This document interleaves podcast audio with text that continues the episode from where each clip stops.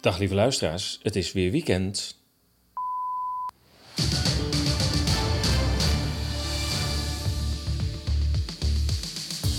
Het is weer weekend en weer tijd voor Radio Moddergat, de vrije podcastradio van ezas.nl. Twee wekelijks 60 minuten lang berichten over bizarre tijden. Mijn naam is Paul de Bruin en we noteren 12 augustus 2022.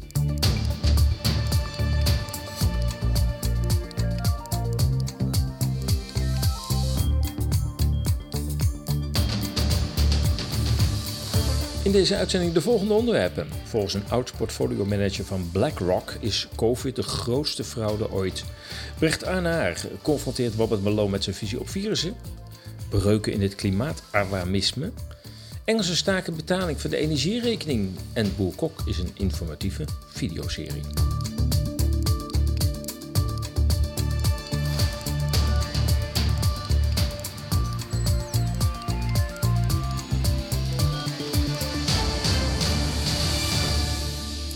Ik weet niet wat het vandaag is hoor, maar ik, uh, voordat, uh, voordat ik met de uitzending kon beginnen, ben ik twee uur aan het stoeien geweest met uh, alles wat het al een jaar lang perfect doet.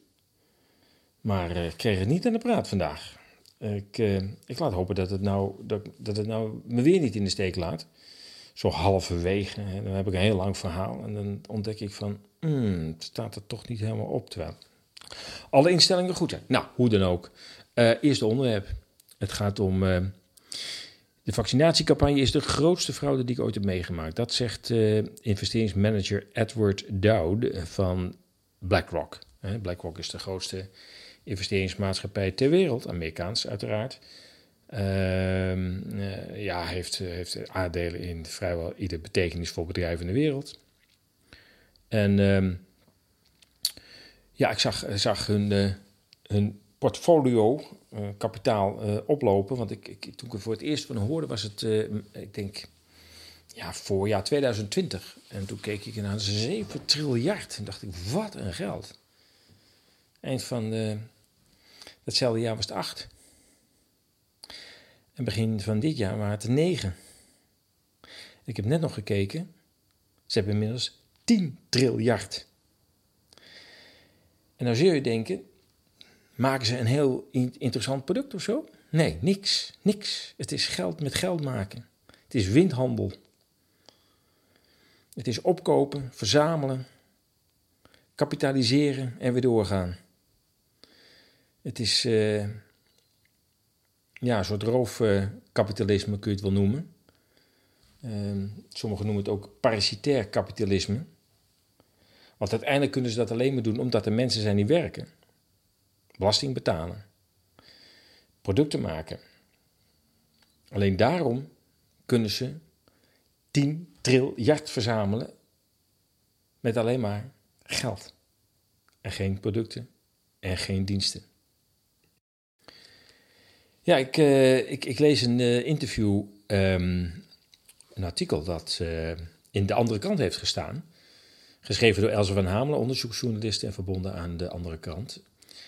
En um, ja, ze stelt de vraag aan uh, Edward Dowd. Uh, doet meteen denken aan Edward Snowden. Ook een klokkenluider tenslotte. Ja, op basis waarvan stel je dit eigenlijk dat er fraude is? En hij zegt daarop: Om goed te zijn in het selecteren van aandelen en andere investeringen moet je een theorie ontwikkelen op basis van beperkte informatie. Als je afwacht tot alle informatie er is, is de kans om geld te verdienen voorbij. Mijn hele carrière draait dus om het herkennen van patronen. Al in het begin van de crisis zag ik een paar vreemde dingen in het nieuws. Op 5 april 2020, een maand na het begin van de eerste lockdowns, werd James Bullard, de president van de Federal Reserve, de Amerikaanse centrale bank, geïnterviewd in het programma Face the Nation. Op de vraag hoe gaan we de economie weer opstarten, antwoordde deze man: We hebben een nieuwe technologie waarmee we mensen kunnen testen. Waarna we ze immuniteitsbewijzen kunnen geven. En ze spraken over surveillance-technologieën om dat te implementeren. Edward Dowd gaat uh, uh, verder. En uh, ik citeer. En ze spraken over. Oh ja, dat hebben we net gehad. Ik begreep dat hij het over het vaccinatieprogramma of over vaccinatiepaspoorten had. Maar als je daar op dat moment in 2020 over begon, werd je voor complotdenker uitgemaakt. Nou ja, heel veel mensen zullen dat herkennen. Wat ik vermoedde, gaat hij verder, was dat COVID wereldwijd werd gebruikt door overheden om te verdoezelen dat, ze zich, dat, dat zich een nieuwe economische crisis aan het ontvouwen was, doordat een zeepbel van schulden in de financiële markt op springen stond. Het COVID-beleid is gericht op het introduceren van controlesystemen onder het mom van veiligheid. En zo kun je populaties onder controle houden en voorkomen dat er rellen uitbreken. Eerlijk gezegd was dat ook een beetje mijn inschatting. Dat, uh, dat, ja, dat, dat het eigenlijk een COVID-project is. En dat men die medisch gezien totaal onzinnige en ongrondwettelijke avondklok het hele geleuter met, met, met, met afstand houden en boksen, handen niet meer geven. En, nou, het, het, is allemaal theater geweest om mensen uit elkaar te houden. Dat, dat, dat, dat mensen zeg maar niet meer zich konden verenigen en nou ja, ook letterlijk uit elkaar werden gespeeld. Hè. Vooral de, de vraag eh, vaccineren ja, nee, dat heeft de samenleving ook behoorlijk opgesplitst. En het is echt verschrikkelijk om dat te zien. En ja, je zou haast zeggen verdelen en heers. Hm. Goed, hij gaat verder. Toen het vaccin in januari 2021 werd uitgerold, was ik erg achterdochtig. En wel om twee redenen. Ten eerste, het was ontwikkeld door operatie Warp Speed. Dat is een onderdeel van de Amerikaanse uh, defensieapparaat. In mijn ervaring, als iets zo gehaast ontwikkeld wordt, is de kans groot dat er bepaalde veiligheidsprotocollen worden overgeslagen. Ten tweede ging het om experimentele technologie die nog nooit op mensen was uitgeprobeerd. We hebben het hier dus over die mRNA. Het was tot op heden, of was ja, tot dan, alleen op dieren toegepast en getest. Het grootste deel van die dieren overleed. Wanneer je klinisch onderzoek doet op mensen, dan duurt het met een normaal vaccin meestal 7 tot 10 jaar voordat je toestemming krijgt het op de markt te brengen. En met deze vaccins, vaccins tussen aanhalingstekens, duurde dat 28 dagen. 28 dagen. Ik ben actief gaan kijken naar indicaties van mogelijke gezondheidsproblemen. En wat je dan ziet is dat er begin 2021 al zoveel meldingen waren van doden en ernstige bijwerkingen in het FARS-systeem. Dat is het Amerikaanse registratiesysteem van bijwerkingen. In Nederland hebben we daar LAREP voor. Dat onder normale omstandigheden de vaccinatiecampagne al in januari, februari 2021 zou zijn gestaakt. In januari 2022 meldde verzekeringsmaatschappij One America dat oversterfte onder werkende Amerikanen met 40% was toegenomen in de tweede helft van 2021. Zij linkten het trouwens niet aan vaccinaties. Nee, dat durft schijnbaar niemand. Bij een overstroming die eens in de 200 jaar voorkomt, is er een 10% toename van uitkeringen in die leeftijdsklasse. De hele verzekeringssector heeft enorme verliezen geleden in de tweede helft van 2021 en het eerste kwartaal van 2022. Sommigen van hen vermoeden wat de oorzaak is. Maar veel zijn nog in een staat van ontkenning, omdat ze allemaal zelf de injecties hebben genomen. En hun personeel hebben verplicht dat ook te doen. Voor wie eh, BlackRock eh, nog niet kent, wat ik net zei, het is de grootste investeringsmaatschappij ter wereld, het is Amerikaans. Uh, Amerika heeft nog wel meer van dit soort grote investeringsfondsen, zoals Vanguard. Die zit geloof ik op 7,1 triljard. Loopt een beetje achter dus. Um, maar mensen vragen zich wel eens af, hoe, hoe, kan het dat een aantal dingen zo gecoördineerd lijken? Ik zeg het maar even voorzichtig. Rondom COVID bijvoorbeeld, de vaccinatiecampagne, of je kunt ook wel zeggen de vaccinatieterreur, de ongelofelijke mind... Um, ja, een soort eh, oorlog om de, om, om de geest die is ontketend. hoe, hoe komt het dat dat dan toch enigszins gecoördineerd lijkt? Dan moet je weten dat, dat BlackRock, wat ik zei, eigenlijk in alle grote bedrijven in de wereld, ook mediabedrijven, eh, farmacie, industrie, energie, aandelen heeft. En daardoor ook heel veel macht heeft binnen die bedrijven. En in een artikel in TheFederalist.com, uh, ik zal het in de nieuwsbrief zetten, uh, wordt ook uh, gesproken dat uh, de invloed van BlackRock ook zo ver kan gaan als aandeelhouder, als belangrijk aandeelhouder. Ook al hebben ze dan maar 10%, maar ze zijn zo super groot. Ze kunnen je maken en breken. Dat zij bepalen wie de directeur wordt in zo'n bedrijf. En um, alleen al in 2021 heeft BlackRock 800 kandidaat-directeuren in 800 verschillende bedrijven afgewezen. Die wilden dus een richting op waarvan BlackRock zei: ja, dat is, dat is onze richting niet. Dus je voelt, je voelt wel aan waar het naartoe gaat natuurlijk. Hè? De, de, de Sustainable Goals van de VN.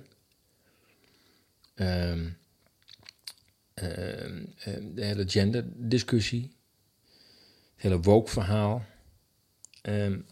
ja, dat kun, je, dat, dat, dat kun je promoten in bedrijven door de juiste directeur neer te zetten die, die, die dat willen. Zo is Exxon bijvoorbeeld is, uh, uh, gedwongen door de juiste boardmembers uh, eruit te mikken om een aantal nieuwe boorprojecten te stoppen. En zo daarmee schaarste te creëren op de oliemarkt, waardoor de prijzen omhoog gaan. Altijd goed voor BlackRock. BlackRock profiteert van alle ellende die we nu meemaken. En wat, uh, wat dat artikel ook uh, zegt, is dat BlackRock ook ehm, ja, toch wel behoorlijk achter die, die, die woke-campagne uh, zit. Um, dus daar een hele sterke verdediger uh, van is. En dat ook met zijn invloed in de board van al die grote bedrijven dat ook kan afdwingen. dus dat, uh, dat uiteindelijk zo'n bedrijf, die, die, wat hier dan genoemd wordt, die, die linkse woke-cultuur, ook daadwerkelijk inhoud geeft in het, in het bedrijf. Uh, zelfs noemen ze het een push for left-wing political priorities. Dus dat kun, je, dat kun je sturen door te sturen op de samenstelling van de board of directors, van de directeur, van de CEO's. En dat kan BlackRock, want die heeft gewoon het geld. Die heeft de macht. En die kan een bedrijf ja, maken en breken. Uh, dan heb je ook nog het World Economic Forum. En zo heb je nog wat praatclubjes die dan in de Nederlandse media worden weggezet als praatclubjes. Nou, ik, uh, ik denk dat, uh, dat dat stadium al lang voorbij is. Dat kon je misschien 10, 15 jaar geleden nog zeggen, maar dat is absoluut niet meer aan de orde. Oké, we gaan naar België, naar Brecht Arnoud. Brecht Arnoud is, dacht, econometrist of in ieder geval econoom en um, heeft een hele specifieke mening over de situatie rondom COVID. Uh, heeft het ook niet over stoelen en banken gestoken, maar hij gaat nog een stap verder. Hij zegt, ja, dat hele gedoe over virussen is natuurlijk geleuter, want virussen zoals dat hier wordt gepresenteerd, die bestaan in die vorm gewoon helemaal niet. En um, in een nieuwe serie, uh, heeft uh, hij nu in de tweede aflevering Robert Malone uitgenodigd. Nou ja, Robert Malone kennen we langzamerhand wel een beetje in het alternatieve circuit. Um, die reist langzamerhand al die uh, alternatieve netwerken af in Europa. Um, heeft hij daarmee geconfronteerd. En ja, dat is best wel bijzonder. Want Malone is een van de grondleggers van de mRNA-technologie en gaat ervan uit dat virussen bestaan. En Arnold confronteert hem redelijk uh, brusk, moet ik zeggen, um, toch met uh, de vraag. Um, maar wat als ik zeg dat ik er niet in geloof, uh, ga je dan helemaal op tilt? You have been in this um, field for 40 years. Imagine that I would say there is no proof for the existence of a virus. I think you would freak out. No, I wouldn't. What we're talking about is epistemology, that the how do we know what we know? Yes, but my impression is that you truly believe uh, in the duality of um, a pathogen trying to attack my sane body, and I don't believe that anymore. So I suggest that you it will be useful to avoid uh, projecting or making assumptions? Perhaps, yes. It's useful to know that I was a, a farmer, a farmhand, and a carpenter before I became a physician and a scientist. This uh, rationalism that has dominated Western thought for centuries is uh, strikingly limited. There was a aggressive, concerted effort to destroy the practitioners of a um, truly health based medicine. Allopathic. And these outsider people who are often discounted because they don't ha- have the right words. Mm-hmm. And so they are considered to be um, uh, irrelevant uh, or um, uh, um, not not uh, that they don't merit being taken seriously. That's it. That's the basis. Um, uh, You don't have a virology degree, so any observation you bring to the table must be wrong. and That's and stupid. that that logic, that way of thinking, is the road to scientific hell. Ja, dat is eh, nogal een uitspraak. That way of thinking is eh, the road to scientific hell. En hij bedoelt hiermee dat hij zegt, ja, er zijn natuurlijk ook andere mensen die dan eh, misschien niet in dat specifieke vakgebied bezig zijn, maar toch wel hele zinnige opmerkingen hebben die eh, ja, de kijk op dat deel van de wetenschap wel kunnen veranderen. En hij veroordeelt het dat daar geen eh, oren naar zijn. Zo van, ja, jij hoort er niet bij, jij bent geen viroloog, dus jij kunt eigenlijk daar helemaal geen zinnige dingen over zeggen. Hij zegt, het is dodelijk dus voor de wetenschap. Hij zegt zelf, ik ben ook, eh, boer geweest en eh, ja, ik heb ook een soort gezond verstand meegekregen om naar dingen te kijken. En tegen eh, ehm, eh, Brecht zegt hij ook van, omdat Brecht nogal, nou ja, de brusk ingaat. Zo van, ja, ga je op tilt... eh, als ik zeg dat ik niet te geloven in virussen, dat hij zegt, ja, je moet niet meteen dingen aannemen. Ehm, dus laten we daar open in, in, zijn. En uiteindelijk, het is een heel lang gesprek en ik, ik moet zeggen, het is hier en daar ook wel wat gecompliceerd. Eh, het is natuurlijk geen makkelijk onderwerp. Ehm, en waarbij Malone in feite eh, zegt, ja, het is ook een kwestie van kijken naar zaken. En ja, we moeten ook inderdaad wel toegeven dat we ook niet precies weten hoe het zit. Eigenlijk niemand. Hè? Eh, We, hebben, we hebben vermoedens en ook de Germaanse heilkunst die Brecht inbrengt, zegt hij ja, daar moet je ook voorzichtig mee zijn. Daar zijn onderdelen van die zijn zeer bruikbaar en geven een andere kijk op gezondheid en op de omgang ehm, van mens en, en met zijn gezondheid. Maar je moet het ook weer niet als een religieuze eh, onaantastbaarheid eh, eh, beschouwen. Ook dat is een denkrichting.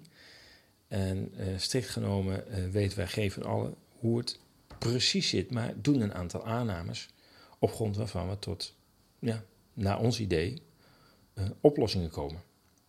Een heel mooi gesprek om te zien. Ik zal de link in de, in de nieuwsbrief zetten. Ehm dan kun je er even rustig voor, eh, voor gaan zitten hoe deze twee eh, mensen ehm, over dit tamelijk ingewikkelde onderwerp eh, met elkaar spreken. We gaan naar het eh, klimaat. Want daar, daar kunnen we ook geen genoeg van krijgen. Nu het weer een beetje een warme week is.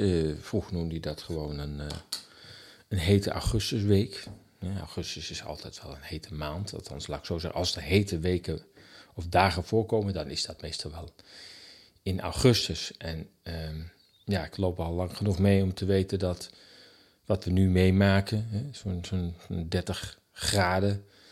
Ik denk, ja, dat, volgens mij is dat niet. eh, maar goed, mijn tijdspan is natuurlijk relatief kort op eh, de leven, eh, het totale leven van de aarde. Ehm, maar erg uitzonderlijk is het allemaal niet. Ehm, maar goed, het zal wel. En als je de kranten eh, leest, ik volg ze nauwelijks, maar ik krijg dan vaak indirect er toch iets mee. Ik luister dan naar podcast en in die podcast worden dan weer kranten behandeld. En dan, op die manier krijg ik toch weer wat mee wat in de kranten staat. En ik kijk ook wel regelmatig naar, eh, naar eh, de Jensen Show, Robert Jensen. Die laten ook een aantal van dat soort krantenartikelen zien. En zeker die alarmistische berichten over dat... ja, the end is near. Hè? Ook, ook in de podcast van No Agenda eh, van Adam Curry en John C. DeVark. Ehm, ja, daar laten ze ook eh, fragmenten horen van de Amerikaanse radiostations en televisiestations. Die gewoon bijna het einde van de mensheid aankondigen met wat, wat, er, wat er nu allemaal met het klimaat aan het gebeuren is. Het is echt afgrijzelijk. Angst, angst, angst. Het is eigenlijk in 2001 begonnen met 9-11. Met de War on Terror. Ik, eh, ik heb het idee dat het meer de War on Civilization is. Waar we, waar we nu al sinds 2001 in zitten. De samenleving wordt constant onder druk gezet. En in angst eh, gedrenkt. Eh, dan toch even opvallend, een bericht ehm, over de Great Barrier Reef in Australië. Ehm, Nou, dat is natuurlijk een van de natuurwonderen der aarde.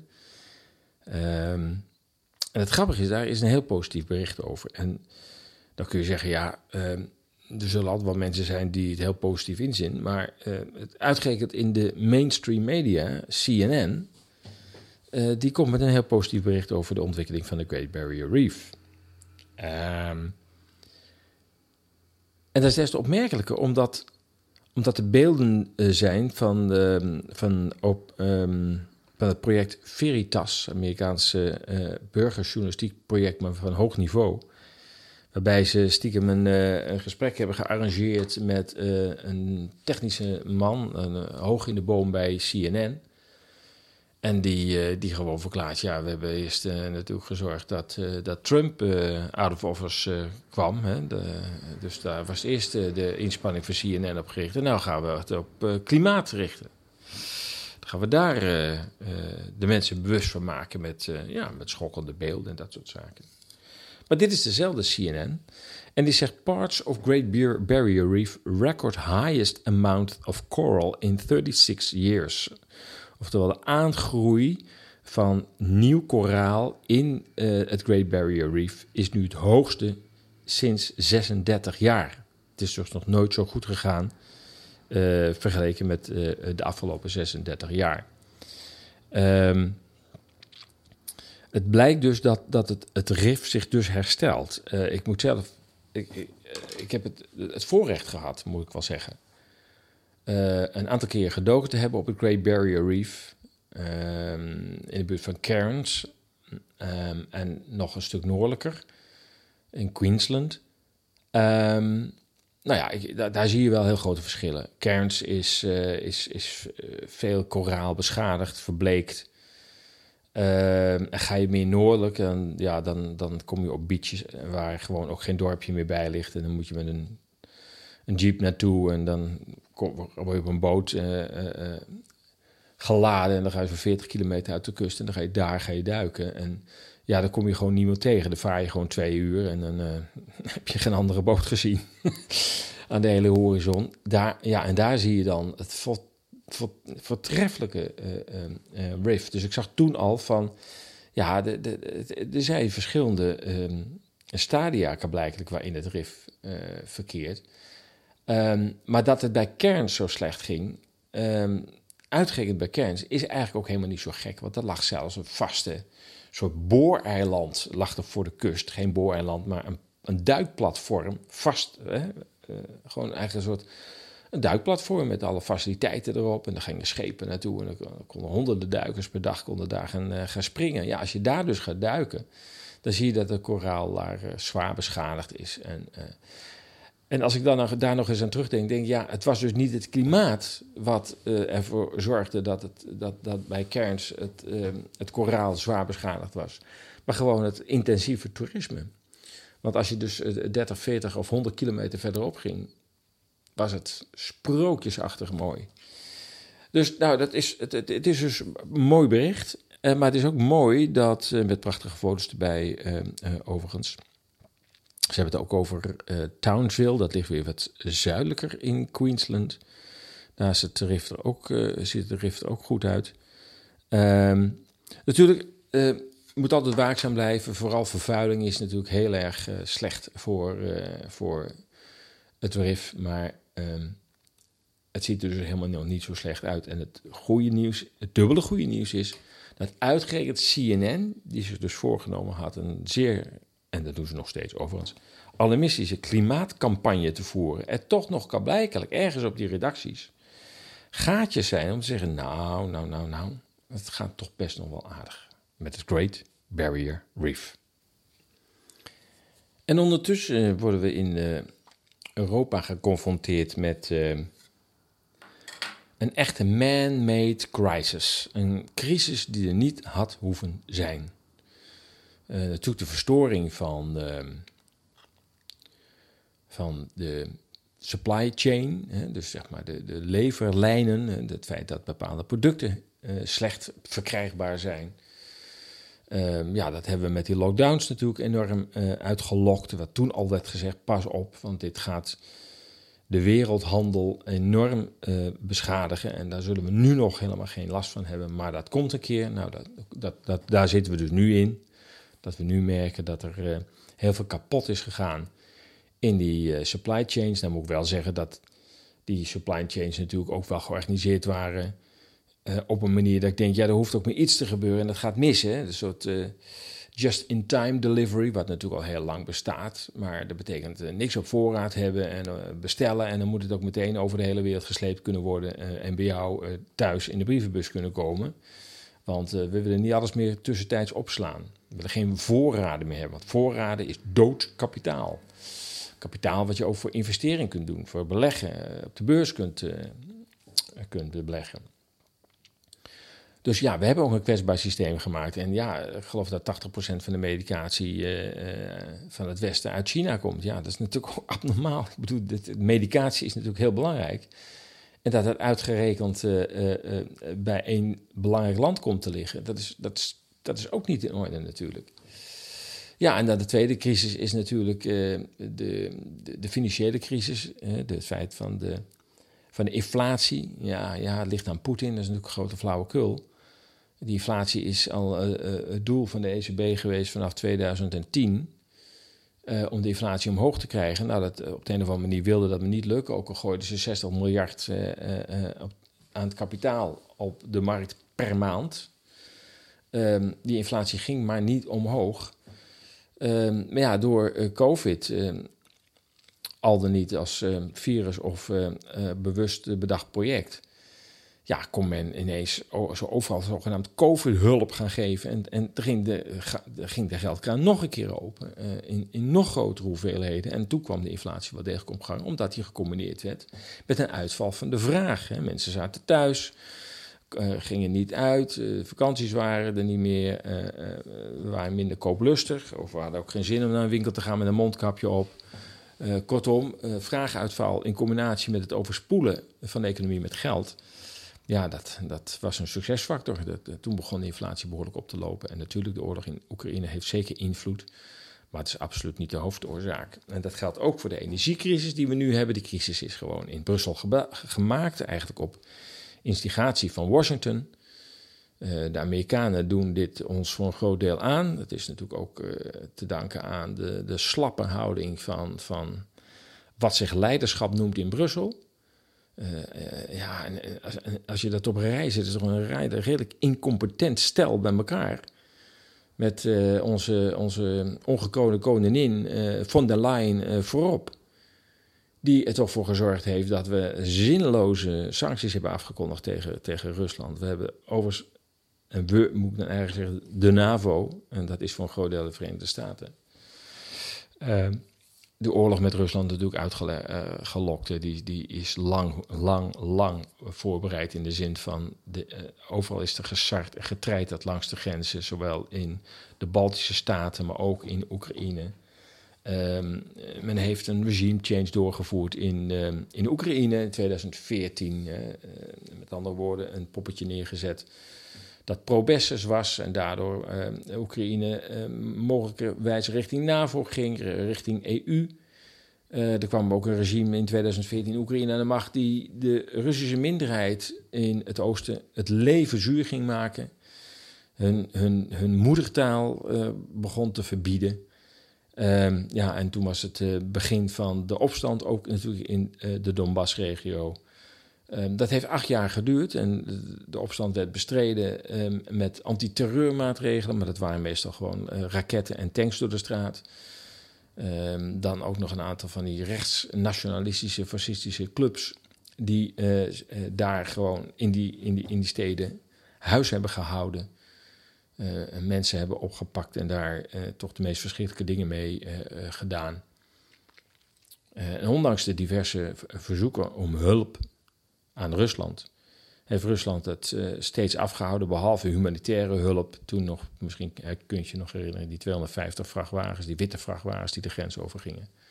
Nou, natuurlijk werd het in het Westen geframed alsof de wapentransporten in zaten. Maar goed, Rode Kruis heeft dat allemaal gecontroleerd en heeft gezegd: ja, er zitten gewoon geen wapens in. Um, dat, verder wilde Rusland niet gaan. En um, ja, nou ja, na acht jaar van bombardementen, beschietingen, raketten ehm, werd het langzamerhand wel eh, heel erg nijpend in het oosten, waar dus gewoon etnische Russen wonen. En zeker de laatste week voor de 24 februari, de datum van de inval van Rusland in Oekraïne, begon eh, eh, Kiev, ging in Kiev de bombardementen op het oosten op te voeren. We hebben het hier over de regering van Oekraïne, die zijn eigen bevolking bestookt. Dat eh, even goed realiseren waar we het hier over hebben. Mensen die daar al, eh, al een leven lang wonen. En, ehm, en al generaties lang, moet ik eigenlijk gewoon zeggen.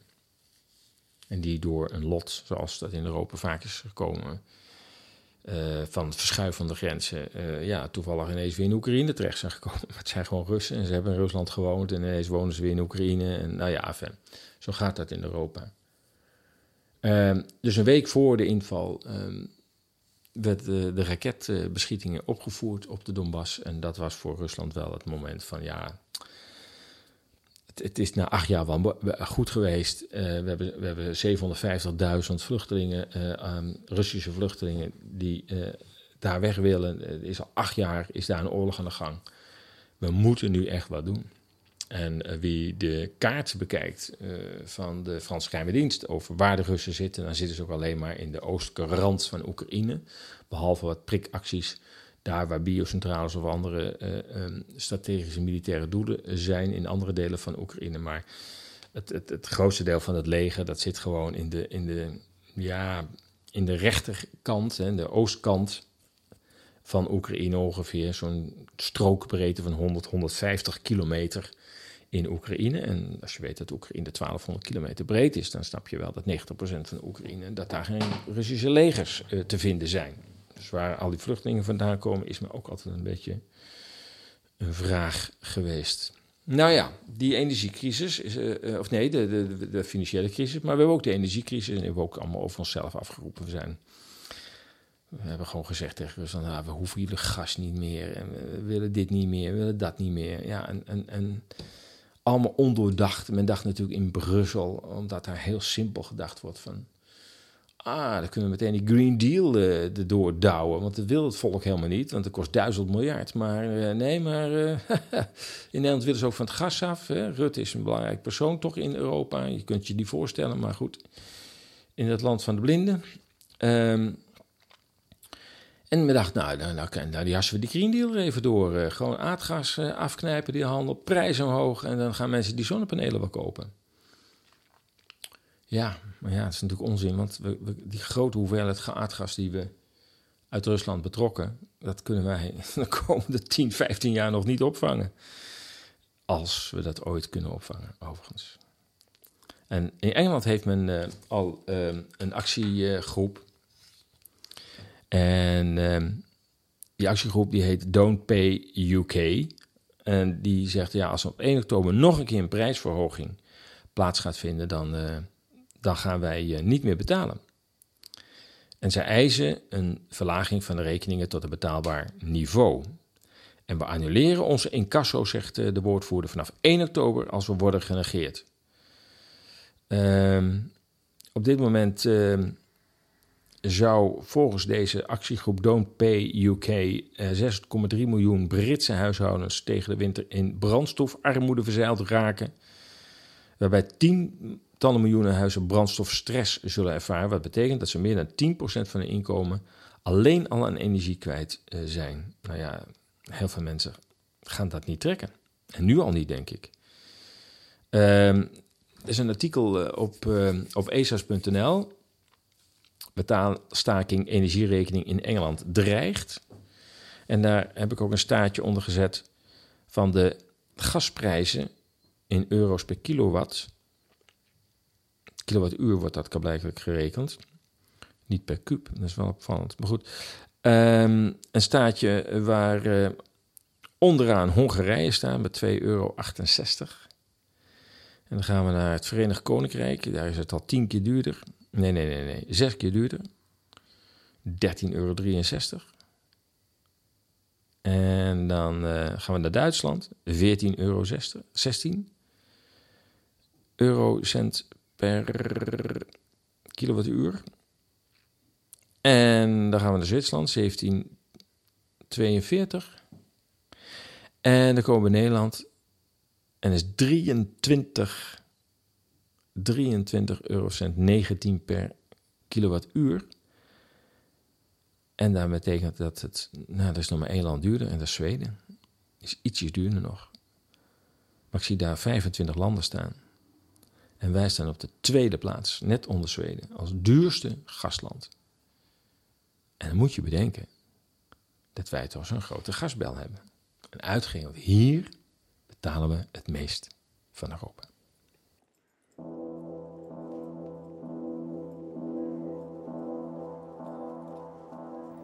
Boer Kok en zijn familie wonen in Hoogland bij Amersfoort. Ze leven in harmonie met hun land en hun beesten. Houden ze hun vredige bestaan ook vol als de verstedelijking oprukt en de overheid hen blijft tegenwerken? Ja, wordt op zwavel ingebroken, kom jullie niet eens. Flinke kerels. Flinke kerels, kippen doodmaken.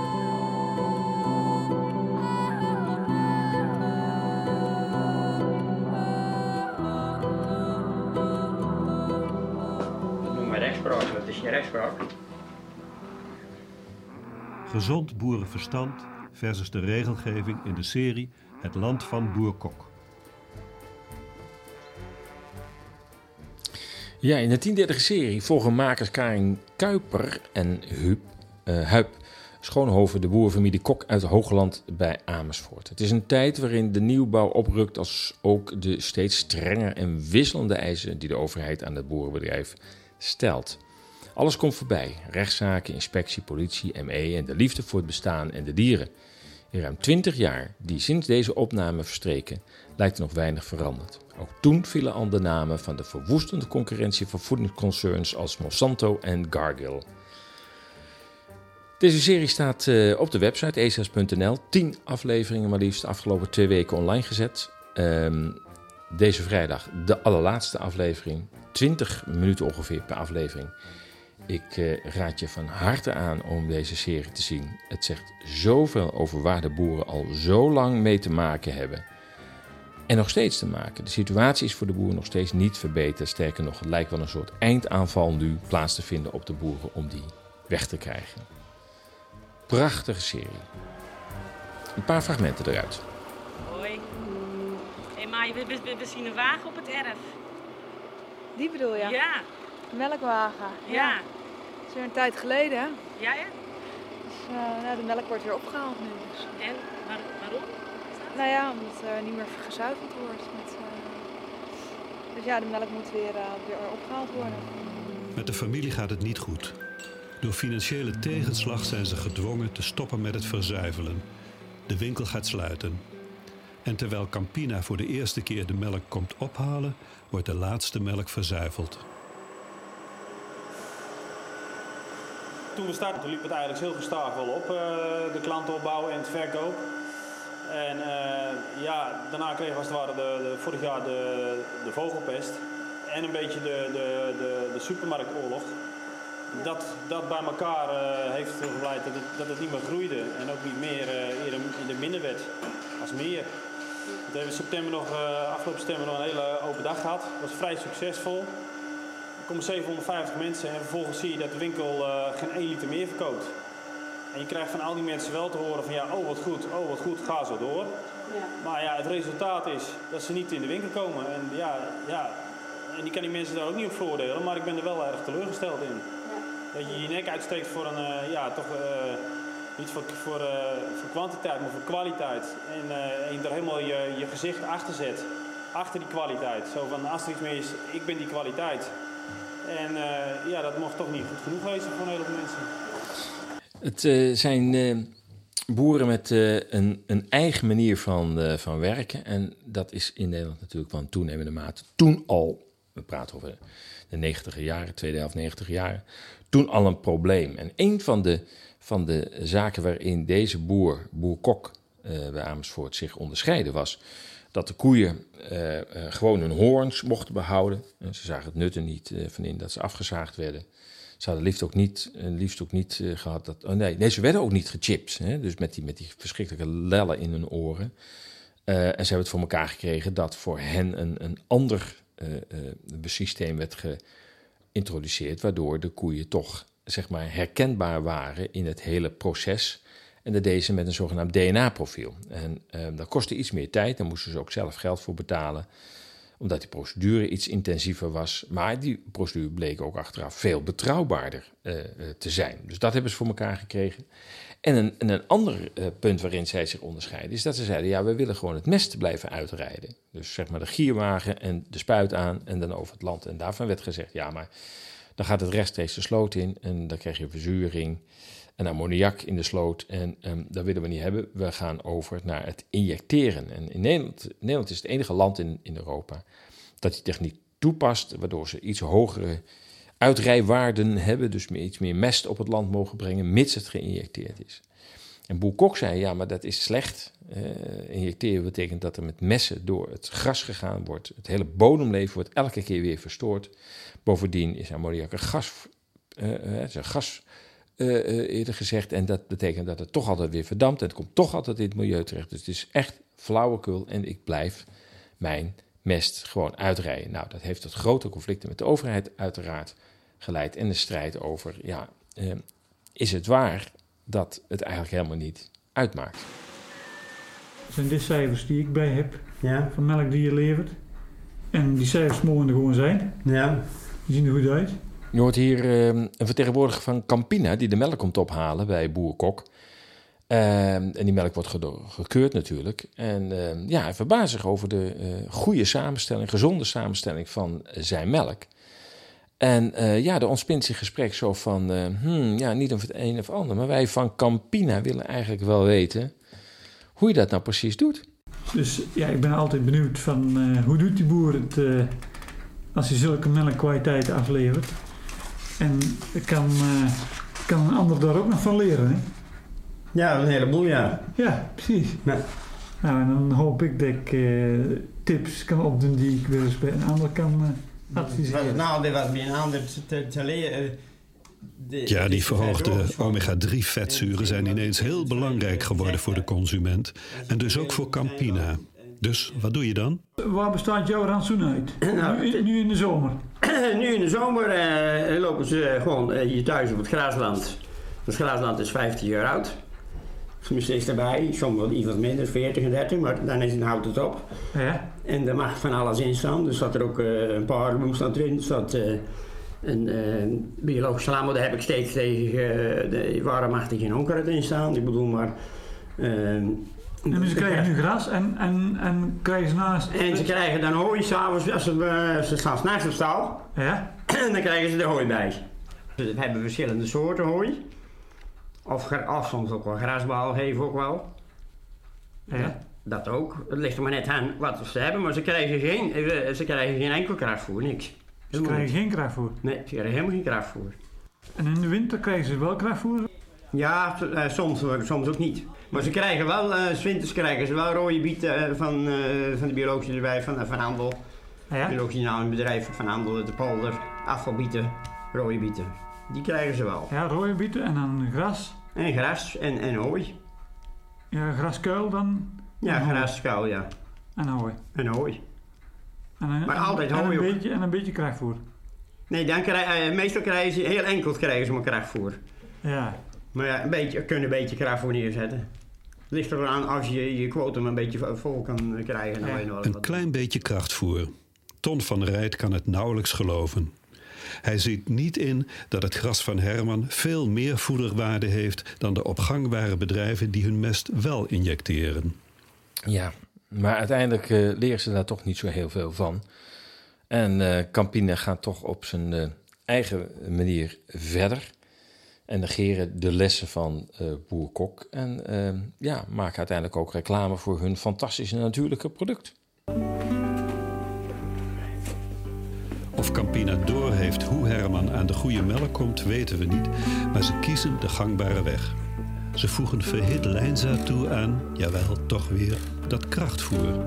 Hierdoor krijgt de melk op een simpele manier meer omega-3 vetzuren.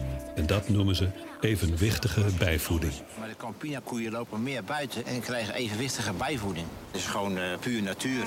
Meer goede vetten, betere voedingswaarde, verbeterde Campina-melk. Gelukkig geen gewone melk.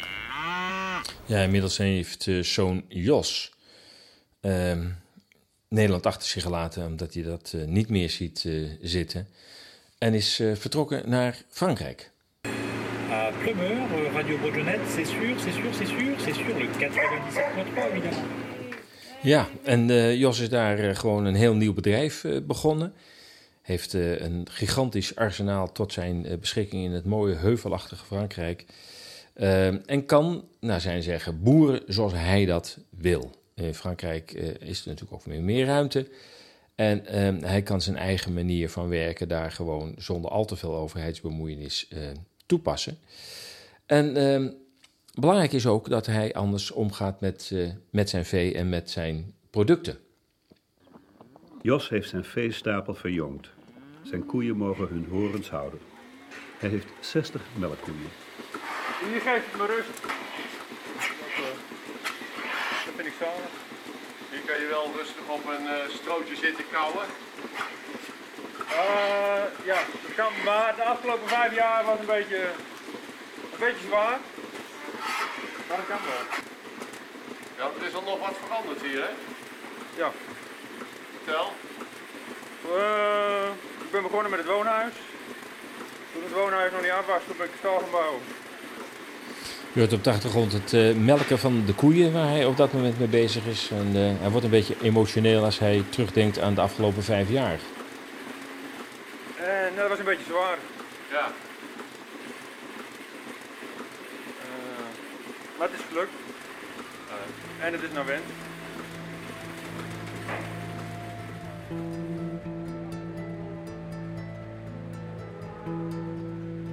In de nieuwe melkstal kan efficiënt worden gemolken.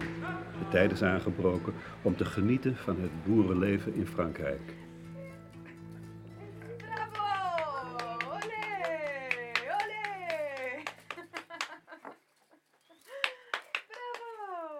Frankrijk mag je gewoon gieren en kun je gewoon gieren.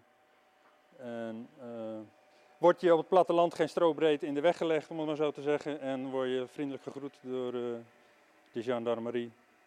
En die vinden het geweldig dat er boeren bestaan. In Nederland mag de giertank niet worden gebruikt. Het verschil tussen Nederland en Frankrijk is dat Nederland een intensieve melkveehouderij heeft met te veel koeien op een beperkt oppervlak.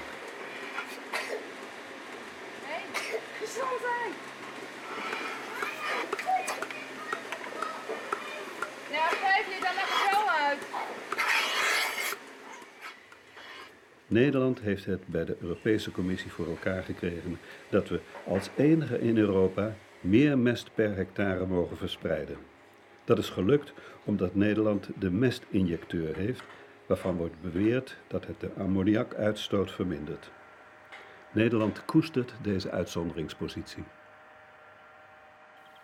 Hoe is Nederland aan zo'n uh, uitzonderingspositie gekomen? Als je, uh, daar heeft men hard voor gepleit. Binnen uh, de Nederlandse ministerie van Landbouw heeft daar bij het Europese parlement hard voor gepleit. Omdat anders ze bang waren dat in Nederland te veel intensieve boeren problemen zouden krijgen.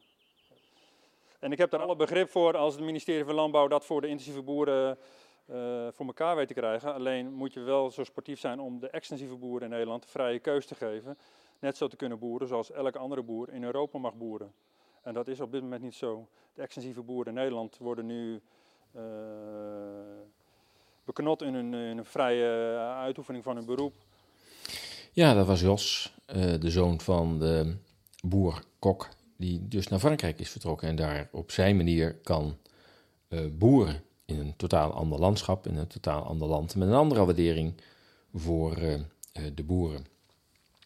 Maar ondertussen gaat vader Kok door met de strijd dat hij vindt dat er meer kwaliteit ontstaat in de producten die hij aflevert als hij toch gewoon mest uitrijdt over het land, dat gras er beter van wordt, dat bodemleven minder verstoord wordt. En uiteindelijk zou hij ook, krijgt hij ook gelijk. Na drie jaar onderzoek moet het ministerie van Landbouw toegeven wat wij al lang weten. In de mest van de biologische veehouderij zit veel minder ammoniak dan in de mest van de gangbare veehouderij.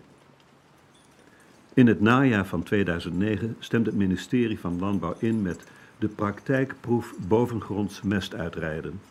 30 boeren uit het noorden en 30 boeren uit de omgeving van Utrecht mogen hieraan meedoen. Uh, ja, ik hoop uh, vanmorgen uh, of straks nu 30 keer het jawoord te krijgen. Dus dat wordt voor mij ook een hele bijzondere dag. Ehm, als eerste deelnemer wil ik graag naar voren roepen de familie Kok uit Hoogland. Dus ik zou zeggen Wim en Herman. 15 jaar nadat de mestwet werd ingevoerd en de mestinjecteur werd verplicht, hopen Wim en Herman met hun handtekening de giertank weer vlot te trekken.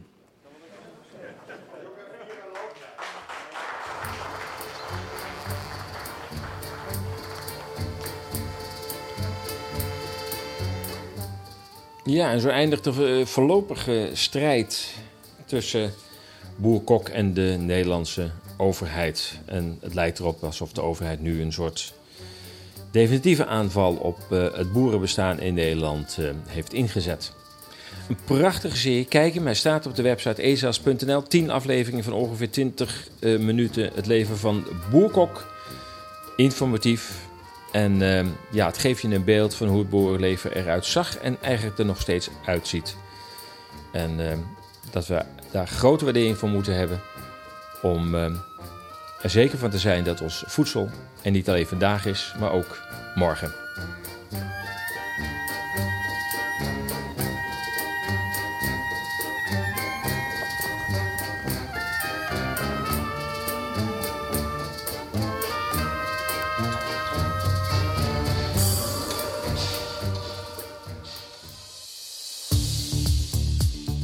Ja, het zit er op. Deze iets kortere uitzending dan normaal. Maar goed, we hebben ook een paar uitzendingen van anderhalf uur gehad. Dus uh, mag ook wel eens een keer een paar minuutjes korter. Dit was het dan weer en ook voorlopig. Want uh, we gaan even naar een zomerbreak.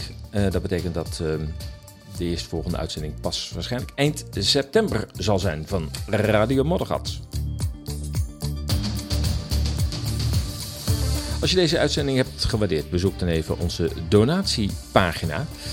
Um, en je kunt ons uh, verder uiteraard uh, nog uh, volgen op ehm, Telegram, op Vriendenplek. En we zijn ook met nieuwe plekken bezig om ons online te manifesteren. Voor nu wens ik je een hele prettige zomer. Verder nog, als je op vakantie gaat, heel veel plezier, geniet ervan. Voor nu wens ik je een heel prettig weekend. Blijf gezond, blijf sterk en tot eind september.